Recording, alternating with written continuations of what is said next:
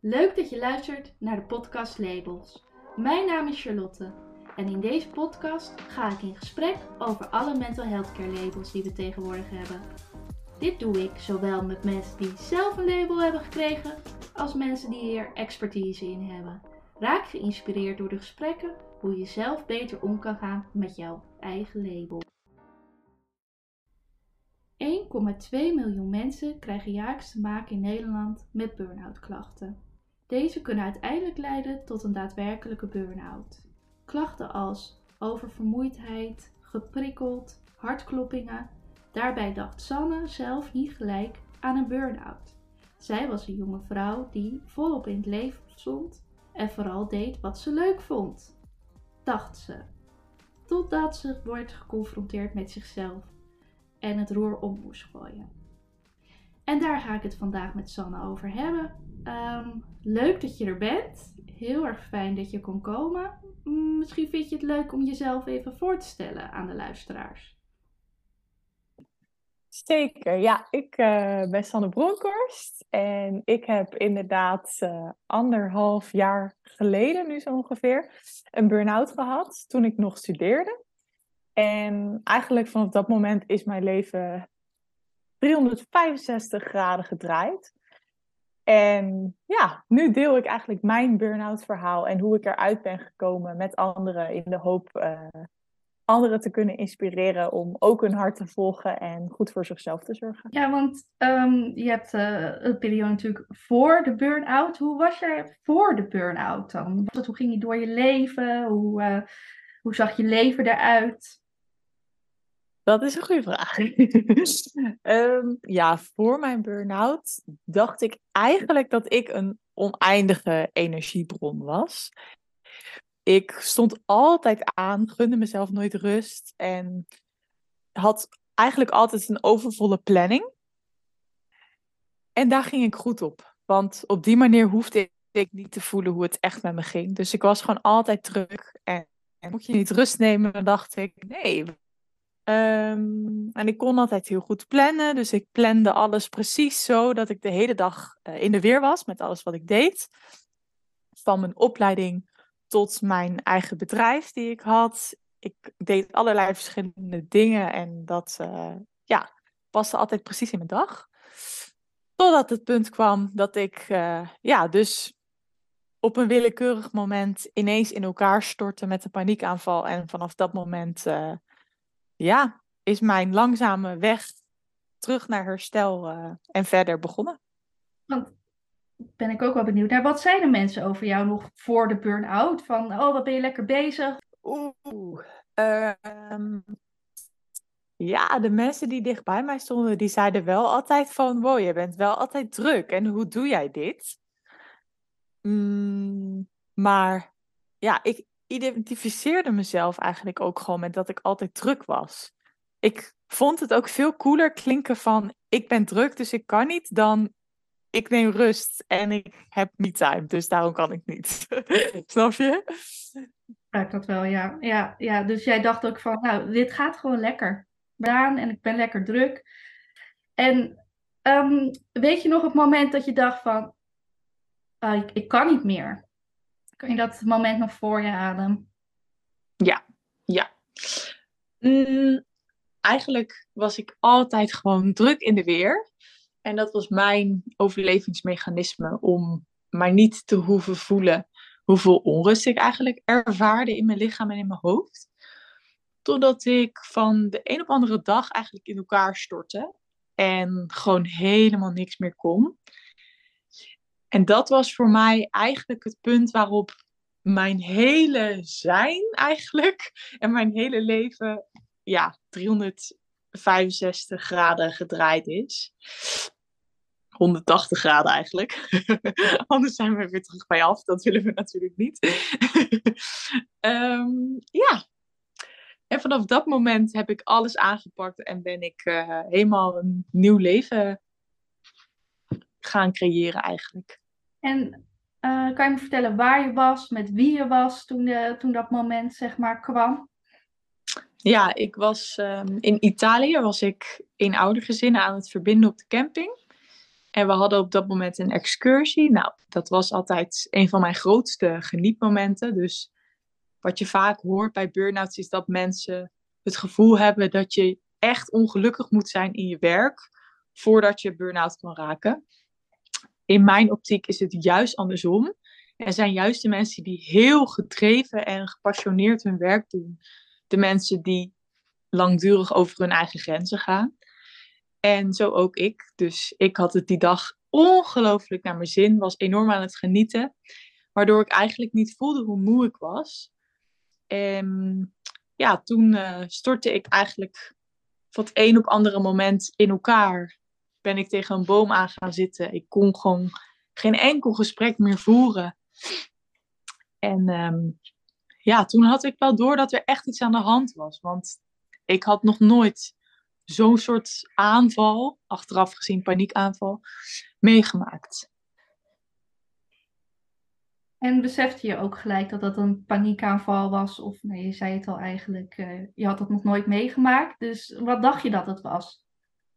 Ik dacht eigenlijk dat ik een zonnesteek had, omdat het al weken 38 graden was. En ik liep daar elke dag in de zon. Maar dat was het niet. dus ja, uiteindelijk uh, ja, had ik de eerste dagen de wens dat het een zonnesteek was. Maar die zonnesteek ging niet over toen ik uiteindelijk terug in Nederland was. En toen besefte ik me, oei, misschien ben ik overspannen. En uiteindelijk kwam ik erachter dat het gewoon echt een burn-out was. En niet zomaar even een paar weken overspannen bij wijze van. Want hoe wist je dat? Wat deed je toen je terugkwam in Nederland? Nou ja, zoals ik al zei, was ik dus eigenlijk altijd druk. En toen ik ineens thuis zat, had ik dus gewoon niks te doen. Want ik zou nog wekenlang in het buitenland zijn. En ineens lag ik in mijn stille kamer. Kon ik mijn telefoon niet meer openen van de prikkels. Kon ik geen wandeling maken buiten. Dus eigenlijk was dat het eerste moment dat ik enorm werd geconfronteerd met mijn eigen gedachten, mijn eigen negatieve gedachten. Want ik was echt in de illusie dat ik ja, best wel positief ingesteld was en dat eigenlijk alles best wel goed ging. Maar vanaf het moment dat ik gewoon helemaal niks meer qua afleiding had, besefte ik me pas hoe negatief mijn zelfpraat eigenlijk was. je hoeft geen antwoord te geven, maar ik ben wel benieuwd, wat was dan dat door je hoofd ging, zeg maar, waarvan je opeens besefte van, oh, wist niet dat dit ook in me zat? Nou, de meest aanwezige gedachte was dat ik mezelf echt een mislukkeling vond. Dat ik echt dacht, hoe kan het dat, ik zeg maar als millennial zo vroeg al uitval, dat iedereen om mij heen een druk leven kan hebben en dat ik nu al zeg maar de druk niet aan kan. Terwijl ik nog niet eens moeder ben of niet eens een fulltime baan heb. Hoe kan het? Dat, dan ben je gewoon mislukt. Dat vertelde ik mezelf. En naast dat ik mezelf mislukt vond, ehm, voelde ik me ook heel erg een last met mijn dingen voor anderen. Snapte ik mezelf niet meer. Dus ik had de overtuiging, ik ben een moeilijk persoon. En ik ben niet goed genoeg, want ik kan de druk niet aan. Echt gewoon een heel palet aan negatieve overtuigingen. Ja, stroomde uur na uur door mijn hoofd, zeg maar. En ik denk ook een hele andere Sanne dan mensen van jou van de buitenkant zagen. Ik denk dat als je op dat moment, aan, wat je vertelde, dat je heel druk was. En dat juist mensen zeiden van, goh, wat ben je lekker bezig altijd. Ja, ja. Ja, dat was niet te rijmen. En vooral niet in mijn eigen hoofd. Ik snapte er niks van. Want ik was altijd de onuitputtelijke energiebron. En ineens lag ik maandenlang op bed zonder enige vorm van energie. Hoe vond je dat eigenlijk, om opeens op bed te liggen? Had je daar ook al gelijk gedachten over? Van kom eruit, of wat ben je aan het doen? Of was het gewoon zo op dat je dat ging gewoon langs je heen? Ja, klopt. Ja, ik was zo moe dat ik Ik wilde absoluut niks doen. Dus het, daar kon ik nog wel redelijk mezelf aan overgeven. Maar dat was puur omdat ik gewoon niet eens de energie had om zeg maar mijn eigen ontbijt klaar te maken. Dus ja, het was niet echt een keuze van ik ga nu rustig aan doen. Ik kon gewoon werkelijk waar niks anders dan rusten. En uh, hoe ben je erachter gekomen dat het een burn-out uiteindelijk was? Komt het, kwam het door een boek of ben je bij de huisarts geweest of een arts? Of, of zei iemand dat die langskwam en die zei nou Sanne, dit is, dit is toch wel echt een burn-out die je nu hebt? Ja, mm, ik ben als eerste heb ik een gesprek gehad met mijn decaan, volgens mij. En dat vond ik afschuwelijk om te doen, want ik praatte gewoon tegen niemand. En toen moest ik na een week of drie tegen iemand praten.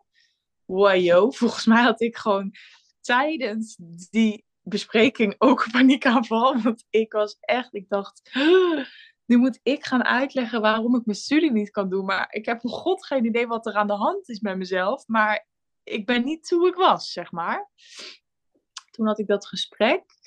En toen zei zij, nou, als ik jou zo hoor, dan denk ik gewoon dat jij een burn-out hebt. En toen dacht ik, doe eens normaal. Overdrijf niet zo. Ik ben waarschijnlijk gewoon overspannen, maar een burn-out, ze zei, ja, dat gaat wel een jaar duren.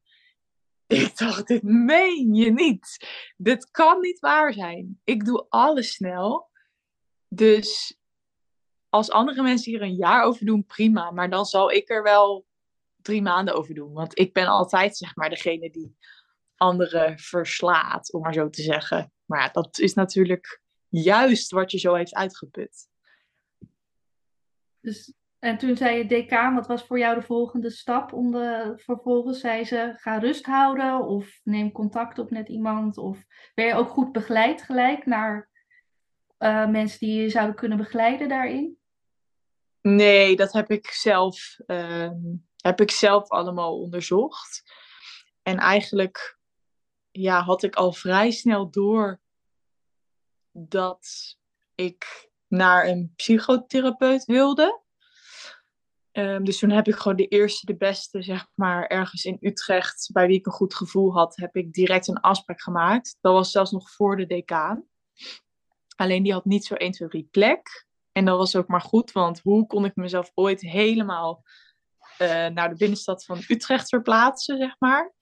Dat was toch nog wel een minuut of twintig op de fiets. En het OV had ik überhaupt uitgesloten. Dus nou ja, dat was elke keer ook echt een opgave om daarheen te gaan. En dan moest ik daar een week van bijkomen. En dan had ik alweer zeg maar de nieuwe afspraak staan met de psychotherapeut.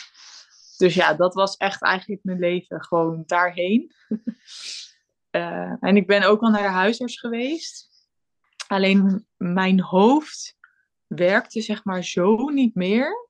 Mijn hoofd was zo overprikkeld dat ik gewoon niet meer kon nadenken. Dus ik ben naar de huisarts gegaan, maar ik wist niet meer wat ik moest vragen. Dus toen ben ik weer naar huis gegaan. en toen kwam ik thuis en toen zei mijn moeder van... En? Wat zei die? Ik zo, shit, ik ben het vergeten te vragen. dus ja, dat, ehm, is wel ook een teken dat ik er echt slecht aan toe was. Ja, dus dat werkte voor jou gewoon niet, natuurlijk. Nee. Was, werd te veel van je gevraagd op dat moment eigenlijk ook. Dat is wel... Uh, Zo'n gesprek met zo'n huisarts en dan zo'n reis naar zo'n psychotherapeut. En... Um, ja, voor mij was alles te veel gevraagd. Voor een ander mens stelde dit niks voor, maar voor mij wel. En wat is voor jou toen de volgende stap geworden? Of welke volgende stap heb je gezet? Mm, nou, eigenlijk vanaf het moment, nog voordat ik door iemand geholpen ben, ben ik eigenlijk zelf heel veel gaan schrijven. En ben ik zelf gaan schrijven over hoe ik me voelde, over hoe het zover heeft kunnen komen, over um, al mijn negatieve overtuigingen die ik heb opgeschreven. En ik las nou, ik had niet echt energie om boeken te lezen, maar op de een of andere manier kwam er een soort innerlijke wijsheid vrij vanaf de dag dat ik in elkaar ben gestort. Ik lees nu ook nog wel eens mijn stukjes terug die ik toen de tijd schreef.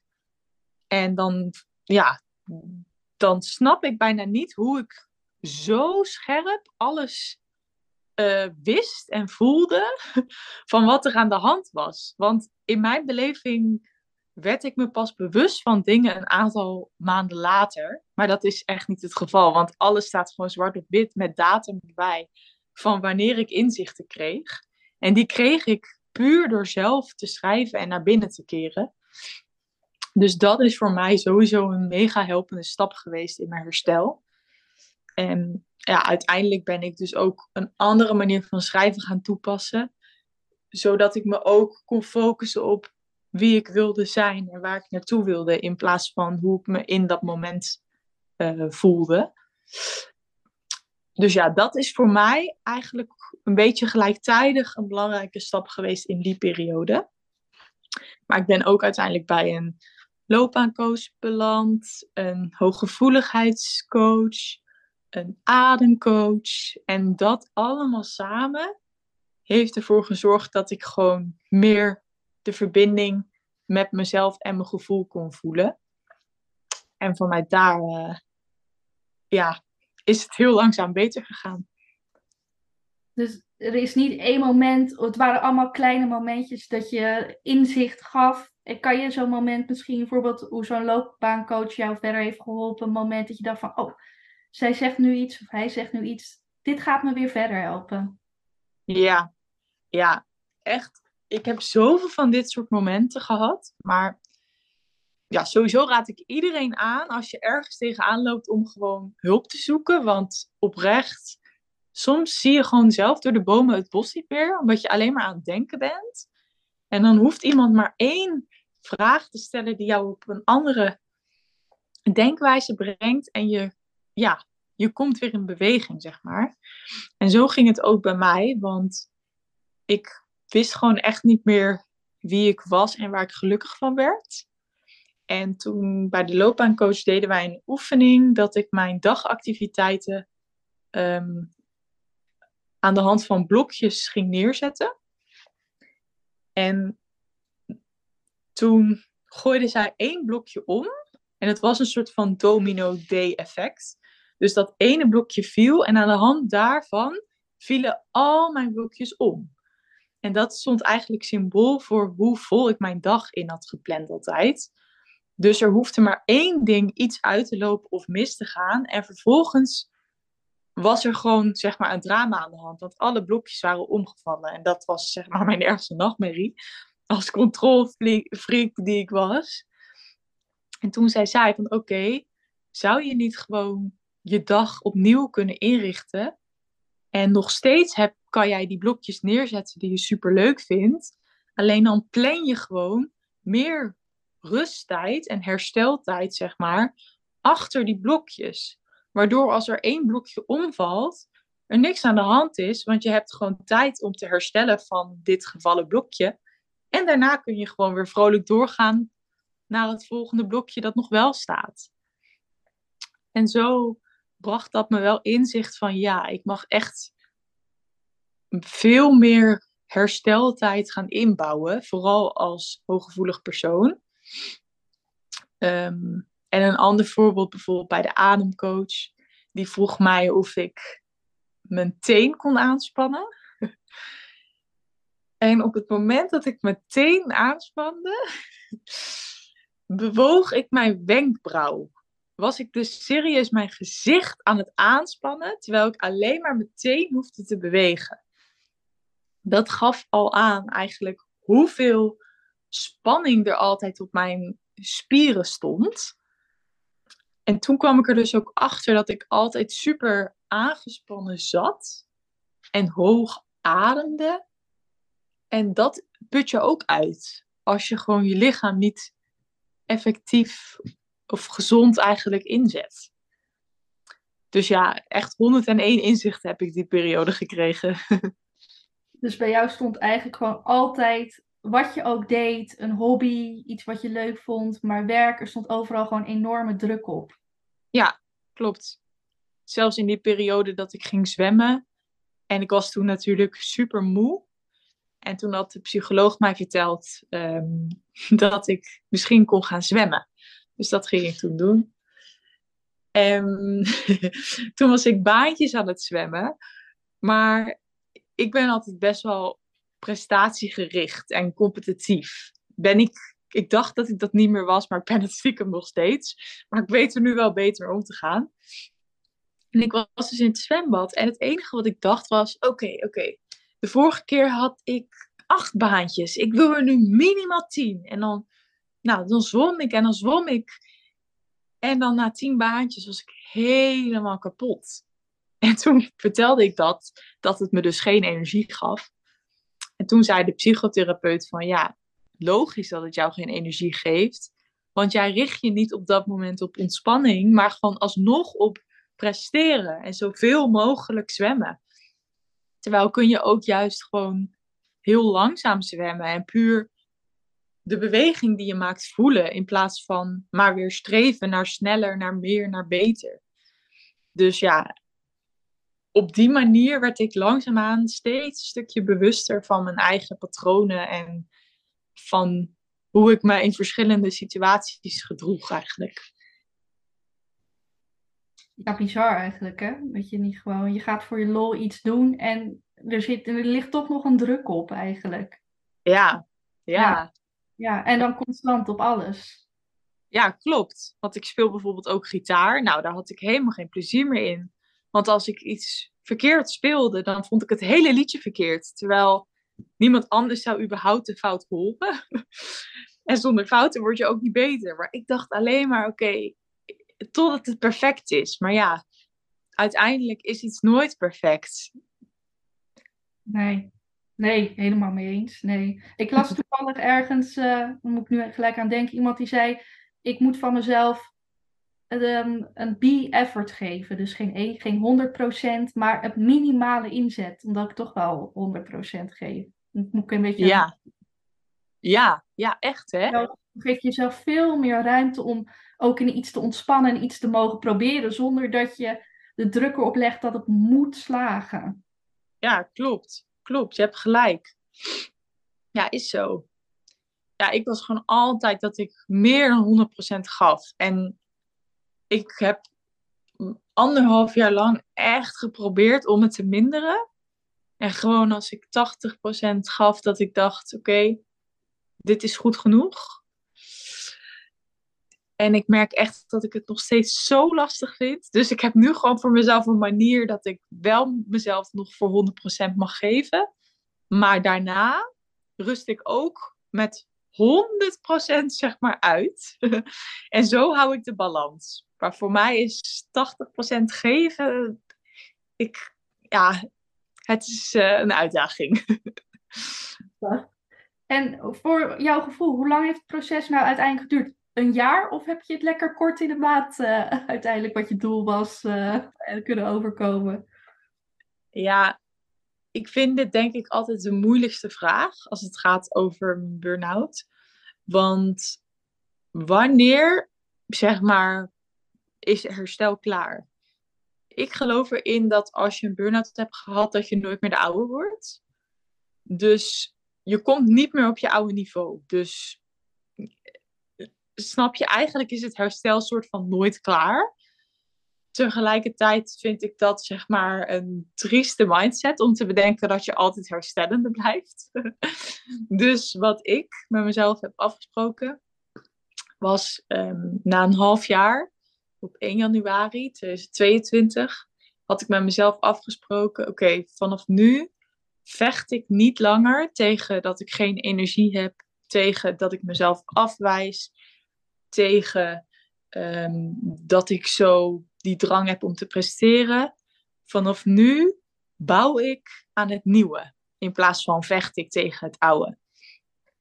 En dat is voor mij zo'n grote verandering geweest dat ik eigenlijk gewoon kon accepteren dat ik moe was. Elke middag twee uur sliep en gewoon dat deed omdat ik naar mijn lichaam luisterde. En echt naar de toekomst durfde te kijken van oké, waar word ik gelukkig van in plaats van ja, uh, waar komt het vandaan dat ik ja, zo erg mijn eigen waarde laat afhangen van mijn prestaties. Dus voor mij is dat de omslag geweest, de ommekeer. En een jaar na mijn burn-out gaf ik mijn eerste lezing.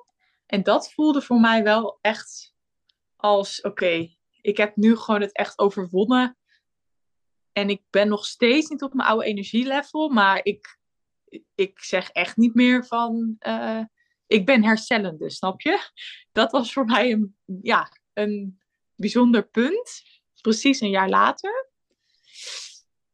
En ja, nu ben ik ruim anderhalf jaar verder. En nog steeds denk ik soms: jeetje, wat kan ik weinig prikkels aan? Of jeetje, wat uh, is mijn leven erdoor veranderd? Maar ik ben super dankbaar voor het leven dat ik nu leid. En ik luister gewoon veel beter naar de signalen van mijn lichaam. En ik zorg veel beter voor mezelf. Dus ja.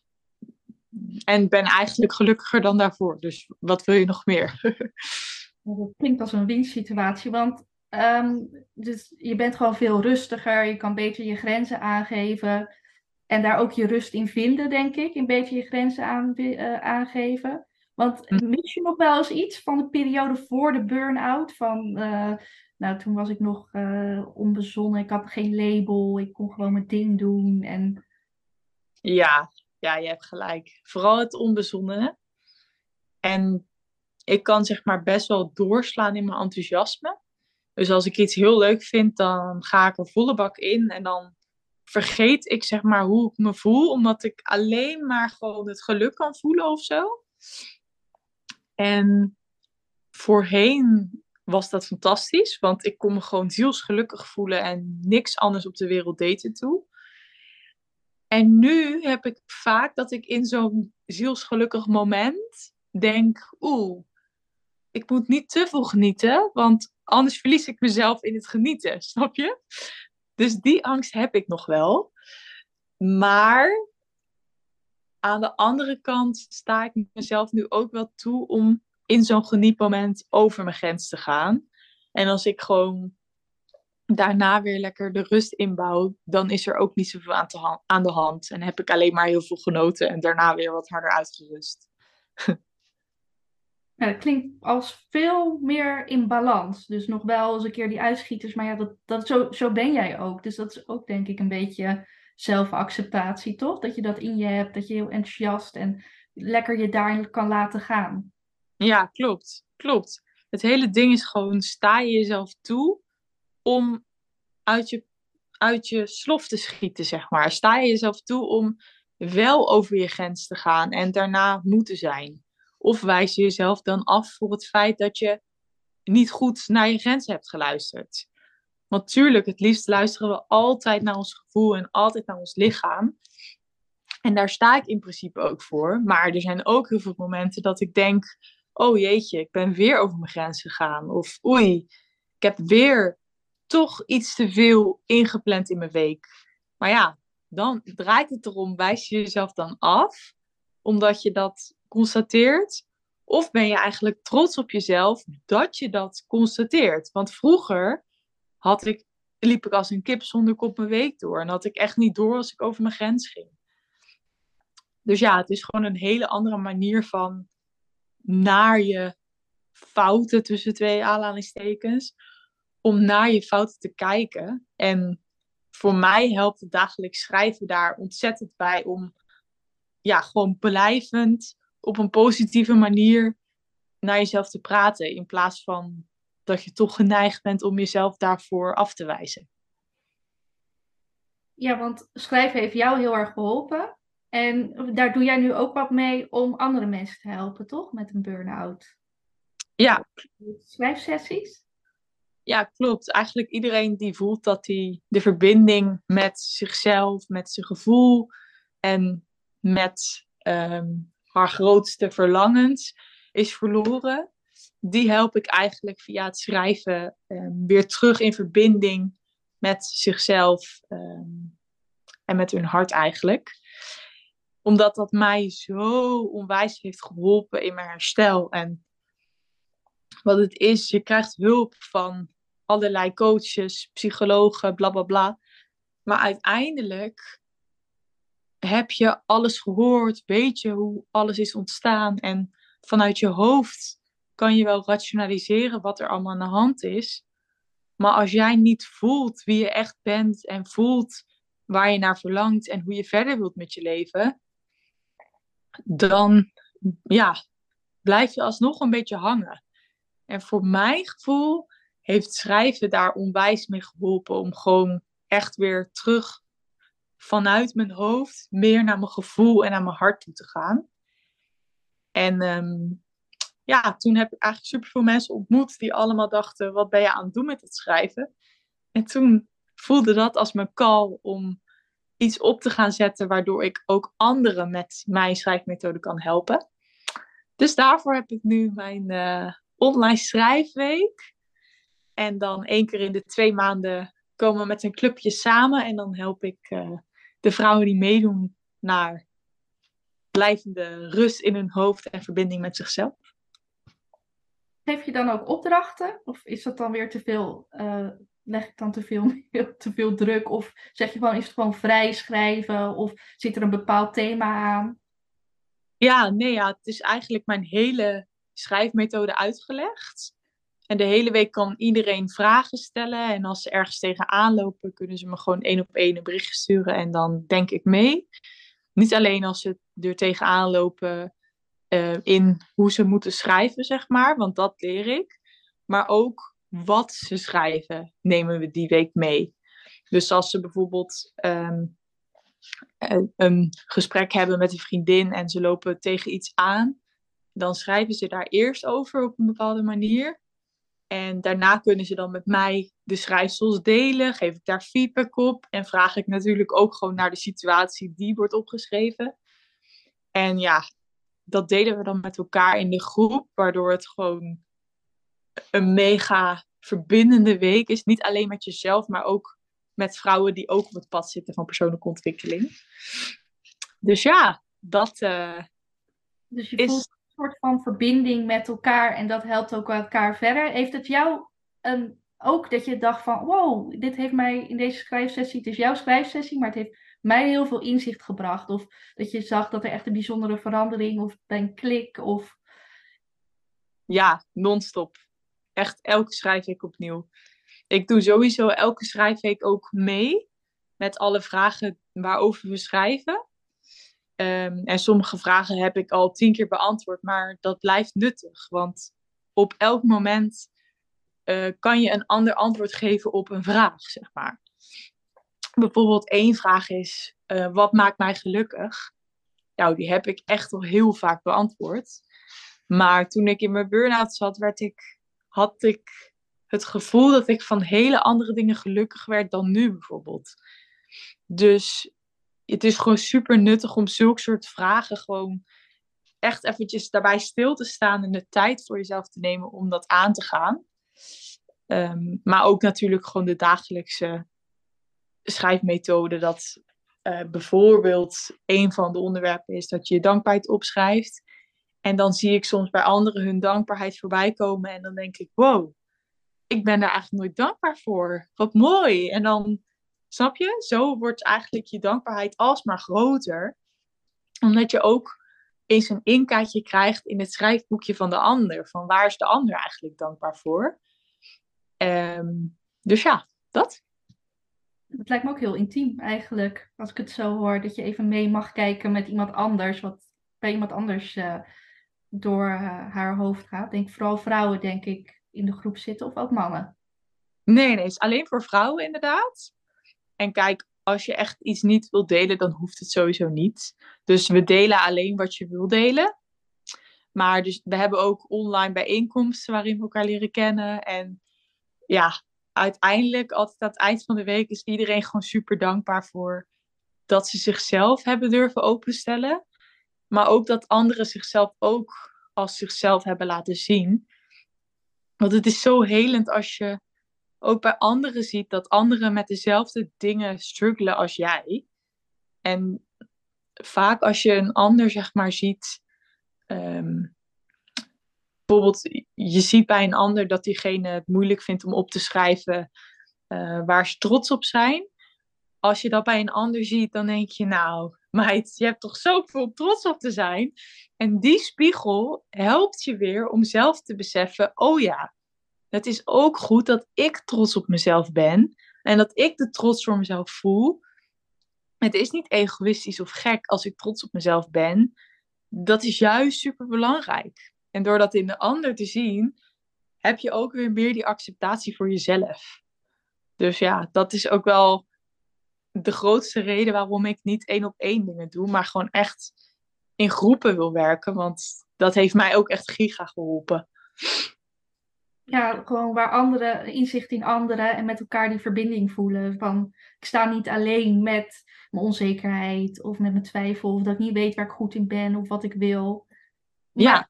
Ja, en dan wel interessant, want um, hoe bewaak jij je eigen grenzen daarin? Want het lijkt mij ook dat het heel veel energie kost om andermans gevoelens zo te lezen. En je bent gevoelig, dus ik denk dat je daar ook een beetje in die energie soms meegaat. Mm Ja, goede vraag. Um, ik denk omdat het één week in de twee maanden is, dat dat sowieso top voor mij werkt. Want ja, daardoor weet ik gewoon van oké, deze week staat gewoon volledig in het teken van er zijn voor de anderen. En ja, sowieso ben ik gewoon zelf veel aan het schrijven. Kies ik mijn momenten waarop ik zeg maar de berichten van de deelnemers lees. Ik heb gezegd, ik reageer altijd binnen 24 uur. Dus het is niet zo als je mij een bericht stuurt dat ik direct een minuut later reageer. Al reageer ik meestal wel snel, want ik vind het gewoon zo fantastisch om te zien dat anderen zo enthousiast zijn over het schrijven. Dat ik, ik word daar gewoon heel enthousiast van. Dus meestal, ja, levert het me eigenlijk vooral heel veel energie op. Naarmate de week vordert, levert het me meer, meer, meer energie op. Omdat ik dan ook de resultaten van iedereen steeds te horen krijg. En als ik dan wakker word en dan krijg ik alweer vier appjes van wauw, ik heb maandenlang niet geslapen en ik voel nu eindelijk de rust in mijn hoofd, waardoor ik direct in slaap val. Of wauw, ik word zo uitgerust wakker elke ochtend. Of jeetje, ik voel zoveel vrijheid en dankbaarheid vandaag. Ja, met dat soort appjes, ja. Daar krijg ik alleen maar heel veel inspiratie en energie van. En ehm, ja, van alle moeilijkere dingen die er worden geschreven ook. Want die kwetsbaarheid, daar ga ik van aan. En dat ik vind het zo bijzonder dat mensen die veiligheid voelen om dat te durven delen. Dus ja, ik, ik, goed. Ja, je zit gewoon op je plek. Ja, ja. Je niet te veel energie, omdat het gewoon, dat je gewoon heel goed gaat met het delen van de, eh, ook de moeilijke kanten kan je daardoor goed aan. Ja, klopt. Klopt. Ja, en ik heb gewoon veel dagelijkse routines ingebouwd, waardoor ik gewoon veel rust inbouw op mijn dag. Dus ik zit bijvoorbeeld vijf dagen in de week op mijn yogamat. En nou, ik, ik, ga lekker zwemmen, wandelen. Ik schrijf elke ochtend en avond. Dus op die manier, ja, zorg ik gewoon goed voor mezelf. En inmiddels heb ik wel geleerd dat je alleen voor een ander kan zorgen als je er eerst voor jezelf bent. Dus uh, dat is een mooie les die ik uit mijn burn-out heb gehaald. Is dat ook de les die je anderen zou willen meegeven met mensen die nu in een burn-out zitten? Dat, is dat de belangrijkste les, denk je? De belangrijkste les. Wat zou je tegen iemand zeggen op dit moment? Als iemand zegt van ik heb een burn-out, Sanne, wat, wat moet ik doen? Nou, dan zou ik zeggen vertraag, verstil en kijk dan wat er omhoog komt. En of dat nou een fijn gevoel is of een minder fijn gevoel, doorvoel alles wat je voelt. Want juist zeg maar de moeilijkere gevoelens, zoals jezelfafwijzing, boosheid, verdriet, machteloosheid, als je jezelf dat toestaat om te kunnen voelen, vanuit dat donker ontstaat eigenlijk jouw innerlijke lichtje die ineens weer licht schijnt op de wereld om je heen. Maar hoe ik het vaak zeg is dat je het lichtje in jezelf pas ontdekt als het heel donker is om je heen. Want dan ben jij de enige die dat licht kan schijnen in het donker. Dus daarvoor heb je wel gewoon eerst het donker in te gaan, hoe moeilijk dat ook is.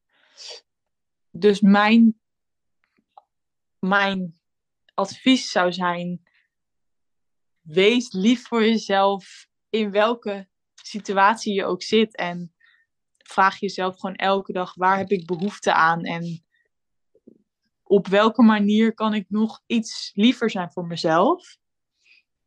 En ja, hoe ik daar allemaal mee omga is dus via schrijven. Want anders zou ik ook niet zo 1, 2, 3 hier elke keer een antwoord op hebben. Dus ja, dat zou mijn advies zijn. Een manier vinden om jezelf uh, eh, kwetsbaar op te stellen, naar jezelf te kijken en waar heb ik behoefte aan. En ja. in jouw geval schrijven, kan bij een andere schilderen, tekenen, whatever uh, zijn.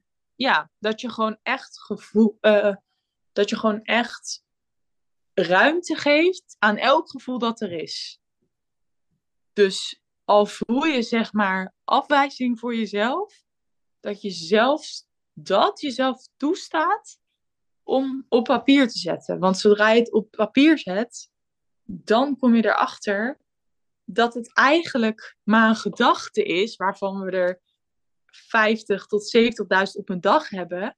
Maar die gedachte zegt nog steeds niks over wie je bent. Dus eigenlijk zet je door te schrijven of door iets anders te doen, zet je die gedachten buiten wie jij bent als persoon. En ja, dat is gewoon super helpend. Ja, mooi eigenlijk. Ja. en nu, wat zijn de plannen voor Sanne? Hoe gaan we verder? De wereld veroveren met schrijftechnieken, Amerika, wereld. Heb je daar idee bij? Ja, ik heb echt heel veel dromen. um, ik wil een eigen journal. Dat is binnen nu en drie jaar is die er sowieso. Heb ik met mezelf afgesproken. Gisteren. dus nou, vers van de pers. Um, en ja, ik wil me gewoon echt zoveel mogelijk richten op het schrijven. En daarin zoveel mogelijk vrouwen verbinden met zichzelf en elkaar. Dat is mijn droom.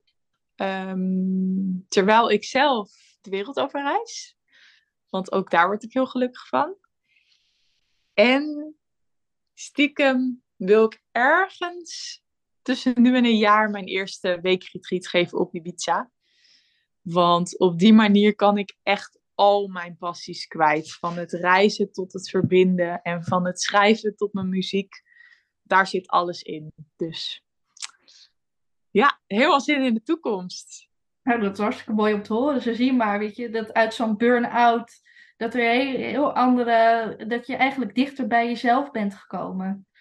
Ja. Ja. Want dit zat in je eigenlijk. Ja, zeker. Zeker. En ik wist altijd al waar ik gelukkig van werd. Namelijk anderen verbinden. Maar ja, ik hield mezelf er toch nog in klein. Dat dat per se via een bepaalde opleiding moest. Of per se in een bepaalde bedrijfstak. Terwijl nu heb ik gewoon alle vrijheid om precies het pad te volgen wat zich voor mij ontvouwt. En niet wat ik of iemand anders daarvan denkt, zeg maar. Ja, mooi. Mooi. ik denk dat ik wel een beetje door mijn vragen heen ben. Ja. Ook dat je me wel weer heel erg geïnspireerd hebt. Want toevallig heb ik van de week heel erg gelezen over je kwetsbaar opstellen. En hoe belangrijk dat is. En hoe het me eigenlijk opvalt dat we dat eigenlijk helemaal niet meer doen. En het levert zoveel meer op. Het lijkt me zo oppervlakkig om altijd maar te hebben over hoe goed dingen gaan. Of, weet je, het leven maakt het ook mooi door de ups. Maar ja, ook de downs, daar leer je uiteindelijk van. Ja, ja, klopt. Is waar. En juist in die kwetsbare gesprekken vind ik in ieder geval de mooiste verbindingen. Het accepteren van wie je bent. Met mm. de positieve kanten en met de negatieve kanten. Mooi. Ja, maar goed, ik, ja, dus je gaf me weer heel veel inzichten tijdens dit gesprek. Fijn, wat lief. Nou, ik uh, hoop de luisteraars ook. ja, en ik hoop je echt, ik wil je echt hartelijk bedanken. Want uh, het was geen makkelijke weg. maar we zijn er gekomen. Sowieso. Dat was hem dan, uh, de aflevering over de burn-out van Sanne.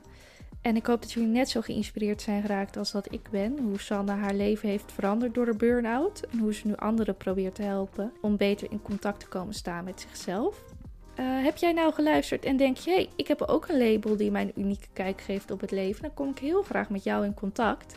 En dat contact kan via uh, de website www.labelspodcast.nl of natuurlijk via mijn Instagram labelspodcast. En dan hoop ik dat jullie de volgende keer ook weer luisteren naar een volgend label.